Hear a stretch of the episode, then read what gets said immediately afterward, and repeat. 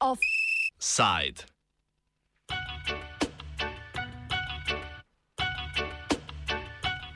Skrito bogatstvo narodov.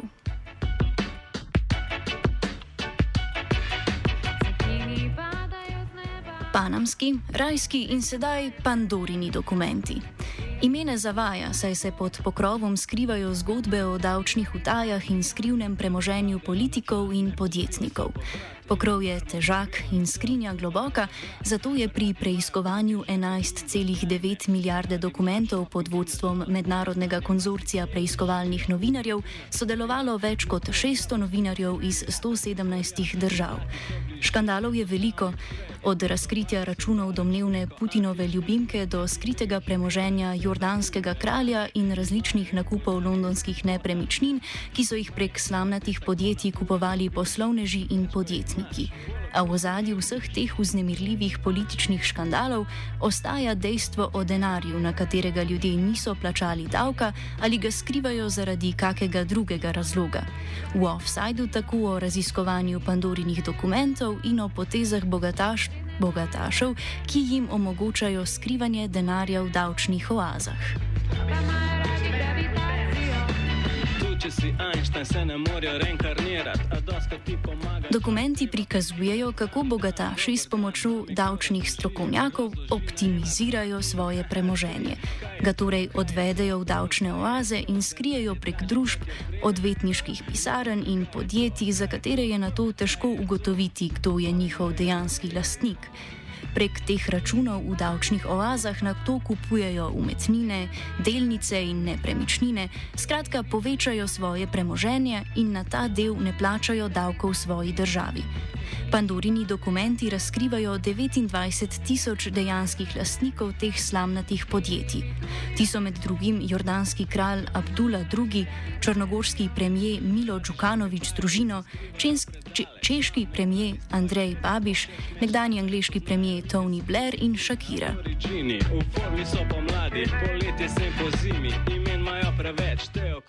Dokumenti so predvsem dokumenti bank in odvetniških pisarn oziroma registracij registracijskih družb, ki upravljajo slamnatimi podjetji.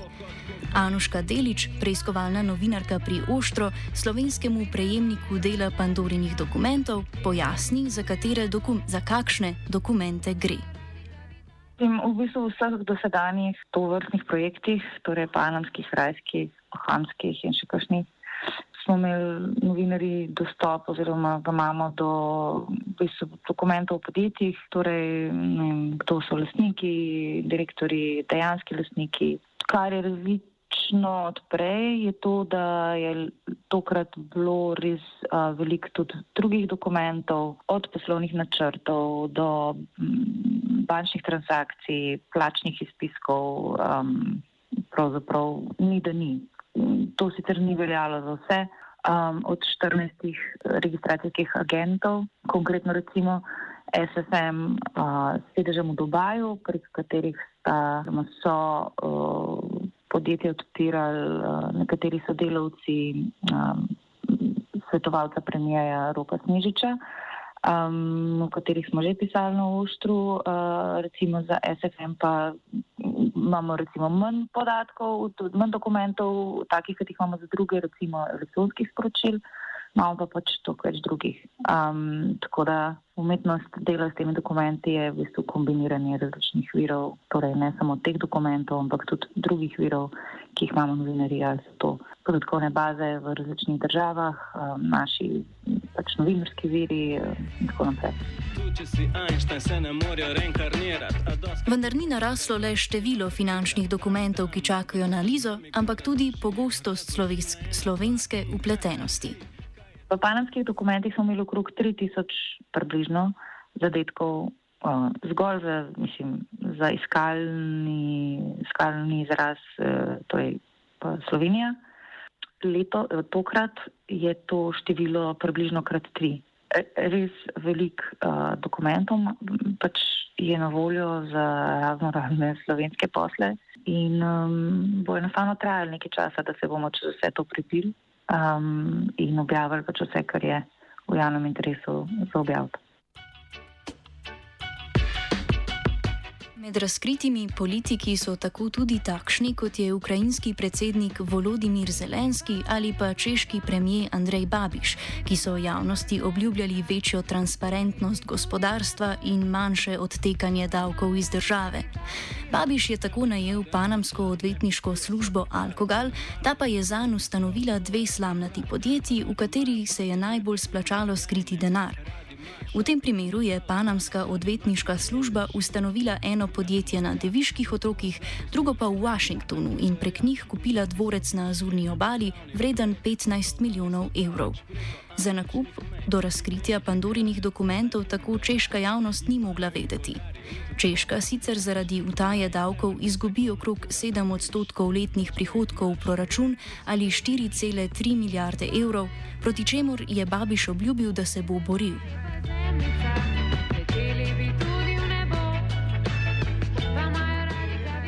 Banke in odvetniške pisarne tako v davčnih oazah vzpostavijo tajne račune za sedaj razkrinkane politike in poslovneže. Davčne oaze, ki so bile v spredju že pri panamskih in rajskih dokumentih, so Belize in Deviški otoki. Nastale so tudi nove, naprimer ameriška zvezdna država Južna Karolina. V slovenskem delu Pandorinih dokumentov pa nastopajo Sejšeli. Sejšele so finančni ministri Evropske unije sicer prav ta teden odstranili seznama davčnih oaz, s katerimi evropski državljani ne smejo poslovati, čež da se zelo trudijo uvesti davčno transparentnost, če tudi še niso usklajeni z vsemi mednarodnimi davčnimi standardi. Delič opiše njihovo vlogo v primeru Marka Glinška in podjetja Lux Factor. V zgodbi okrog uh, kozmetike Lux Factor, uh, ki jo je pač uh, Glinšek prodajal preko Sejšelov, ima Sejšeli pač enostavno to ulogo, da je lahko pravzaprav do ponedeljka, ko smo razkrili, da je on stvarni lastnik tega podjetja, se pretvarjal koliko pet let, šest let ali pa več, uh, da pač ni stvarni lastnik tega podjetja. In zato, ker je lahko to počel, ima danes še zmeri na vrhovnem sodišču vloženo zahtevo za varstvo zakonitosti. Um, um, v postopkih pred sodišči, vem, konkretno, uh, ko je tožil uh, FURS, uh, zaradi pač po njegovi presoji napačne uh, odmere dodatnih uh, davkov, uh, ki jih Lux Factor ni plačal um, in še nekje druge, mislim, da je bilo na krajnem sodišču je razlagal, kako so inšpektori izvajali pritisk, kako je inšpektor izvajal pritisk nad njim, um, da so bili nekorektni, da so mu kršili pravice in tako naprej. Pač vse to je lahko počel zaradi tega, ker nihče ni vedel, da je dejansko on lastnik sešelskega podjetja, ki je stalo za spletno prodajo Lux Factor kozmetike. Večina škandalov, ki so jih razkrili Pandorini dokumenti, je po trenutni zakonodaji popolnoma legalnih. Naprimer, nakup nepremičnine v Londonu, za katero zakonca Blair nista plačala enega davka v višini 368 tisoč evrov. To pa zato, ker sta ustanovila britansko podjetje, ki je na to kupilo slamnato podjetje, ki je imelo v lasti želeno nepremičnino. Ker sta tako dejansko kupila slamnato podjetje in ne neposredno nepremičnine, sta se izognila davku, ki bi ga morala plačati za nakup stavbe. Doska ti pomaga, ko je treba parkirati, dan, dan, dober dan, a mi kdo razloži. Delna razlaga za izogibanje nelegalnih prijemom in izkoriščanje pravnih lukenj tiči v izboru dobrih in s tem dragih pravnih svetovalcev. Ja, ampak Bleru je mogel nekdo svetovati, da je to tako naredil. In zato, da mu je nekdo svetoval, je rabo denar, da plača tega človeka, da mu bo svetoval, kako zapeljati ta posel. Morda, morda je plačal prodajalec tega človeka, vse en. Fakt je, da pač uh, um, gre za recimo temu kasto ljudi, ki, ima, ki je obkrožena z različnimi svetovalci, oziroma jih lahko pridobi brez problema. Um, zato je njim to veliko lažje, uh, torej veliko lažje recimo temu davčno optimirati uh, svoje življenje in, in osebno poslovanje, um, medtem ko to pač večini, velike večini ljudi na svetu ni uh, dostopno. Um, zato bi na tem mestu tudi mogoče upozorila na manipulacije, ki sem jih že pogosto krat slišala v zadnjih letih, da je pač to, če imaš v davčni vazi podjetje, približno tako, kot če pač uveljavljaš olajšavo um, pri napovedi dohodnine v Sloveniji, kar je seveda, seveda pesek uči. Um, nobeden, zem pač slovenski davkoplačevalci enostavno nimajo dostopa do davčnih vaz, zato da bi lahko optimirali davke. Delič predstavi, kako znajo davčni svetovalci kombinirati različne davčne oaze glede na njihove jurisdikcije.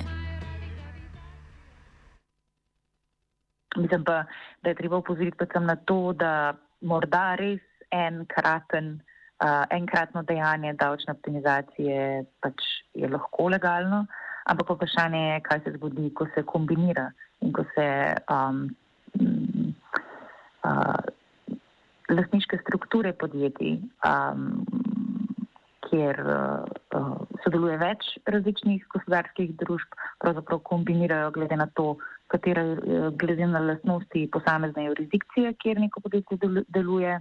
In svetovalci potem lahko rečejo, hm, zdaj si res zmišljujem, ampak tako v smislu, uh, a tam le ena jurisdikcija pa nima tega davka, zato boste vaše finance zapeljali v uno jurisdikcijo in potem boste iz uno jurisdikcije v uno in tako naprej. In, in, in a, potem se pač to lahko zgodi na čist, na vidno legalen način.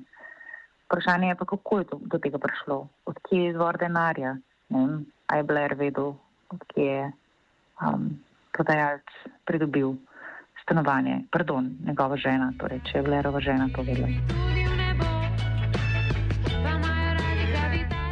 Poleg tega so ti davčni svetovalci, ki delajo za registracijske družbe, dolžni še posebej pazljivo ravnati s politiki oziroma politično izpostavljenimi osebami zaradi tvegan korupcije in zlorabe političnega položaja. Če se naprimer vrnemo k Babišu. Leta 2011 je odvetniška pisarna Alkogal izvedla interno preiskavo, ali bodo še naprej sodelovali z Babišem, ki je tedaj ustanovil stranko Ano. Takrat so sodelovanje z njim nadaljevali, čeprav so ugotovili, da obstaja velika verjetnost, da njegova podjetja perejo denar. Sodelovanje so prekinili šele leta 2015, ko so ugotovili, da imajo glede Babiša in njegovih podjetij resne sume kaznjivih dejanj. Kot je sedaj pojasnila odvetniška pisarna, V splošnem pa oznaka, da je nekdo politično izpostavljena oseba, ne pomeni avtomatično, da mu katero koli podjetje v kateri koli panogi ne bi ponujalo svojih storitev žvenketajo in se skrivajo predale, sam ne oprali stroj. Netransparentnost, ki jo omogočajo davčne oaze, ovira delovanje davčnih inšpektorjev in tožilstva. Delič to ponazori na slovenskem primeru Glinška, ki je na sodišču zanikal lastništvo Lux Factor. Med sodno obravnavo o tem, ali je podjetje zavajalo kupce, ko je zavajajoče trdilo, da so njihovi izdelki dermatološko testirani, je Glinšek trdil, da je zgolj posrednik, lastnika podjetja pa ne pozna so zato uh, pristojni organi, ki pa pač je seveda vprašanje, kaj lahko naredijo, kadar se uh, srečajo z davčnimi oazami. Um, konkretno na primeru Marka Glinčka, zgodbe, ki smo jo objavili v ponedeljek, um, je evidentno, da so slovenski državni organi pravzaprav različni, dva inšpektorata, FURS, tri sodišča in tako naprej um, pravzaprav kar korektno, kar dobro ocenili situacijo, oziroma so prebrali njegovo poslovanje pravilno in ugotovili, da je v bistvu zelo verjetno on dejanski lasnik. Ampak tega mu niso mogli dokazati in mu verjetno, mislim, tega dokumenta, ki smo ga mi objavili, pač verjetno naši organi ne bi mogli dobiti. No. Torej, tudi kadar potrebujejo dokumente iz raznih pol zaprtih ali pa zaprtih jurisdikcij, potem. Um, se jim zna dosti zgoditi, da jih pač ali ne dobijo ali da čakajo. Tako da po moje se je treba bolj pogovarjati o tem, kaj je treba narediti, da se to ne bo več dogajalo in da bodo um, dejanski lastniki tudi transparentno razkriti, um, ker še potem lahko regulatorji v vsaki državi v bistvu opravijo svoje delo. Če ne vejo, da ima nekdo podjetje v davčni oazi, pa ne more tega. Več... Tako kot po razkritju panamskih dokumentov leta 2016 in rajskih dokumentov leta 2017, se zastavlja vprašanje, ali bodo ti dokumenti prinesli korenito spremembo davčne zakonodaje in izničili poti, po katerih lahko bogataši legalno izvažajo in skrivajo svoj neobdavčeni denar. Paolo Gentiloni, Evropski komisar za ekonomijo, je priznal, da dokumenti dokazujejo, da so tisti, ki se hočejo izogniti plačevanju davkov, hitrejši od evropskih zakonodajalcev, ko se ti trudijo zmanjšati število slamnatih podjetij. Seveda je napovedal tudi, da bo Unija še letos ostreje z novo zakonodajo nastopila proti davčnim oazam, kot je bilo napovedano že po panamskih in rajskih dokumentih.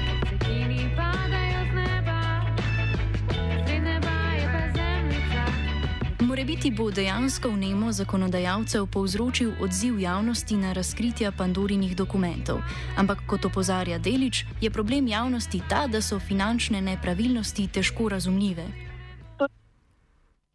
To je največji problem, ker se ljudje ne morejo identificirati s temi številkami, ker vsak dan plačujejo položnice, um, furso ne smejo ostati dolžni niti pol evra. Um, ne, uh, zato ker pač ljudje enostavno ne operirajo s takimi številkami.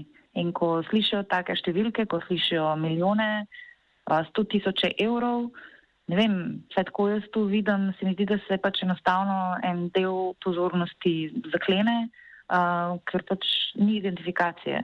Um, zato se mi zdi res pomembno, da se pogovarjamo o tem, kakšen dejanski učink ima to na družbo, zato bodo ljudje razumeli, da v resnici, čeprav mislijo, da se jih ne tiče, se jih tiče zelo intimno.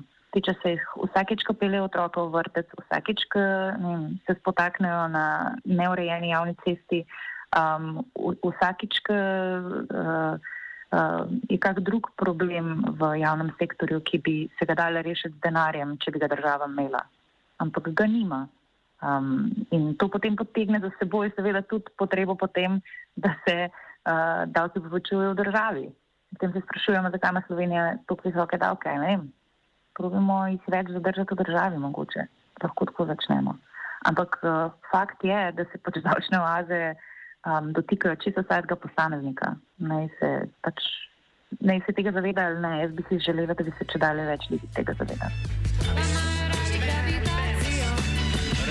ketajo in se skrivajo predale. Sam ne oprani stroj, če res nočeš meč tale. Poznajo jih eskimi in aboričini. V formi so pomladi, poletje se po zimi. Imen imajo preveč, te okrogli denarci. Po Pandorini skrinji je malce pobrskala geja. You know what I mean? Chin, chin, chin, je za zvok od kovin.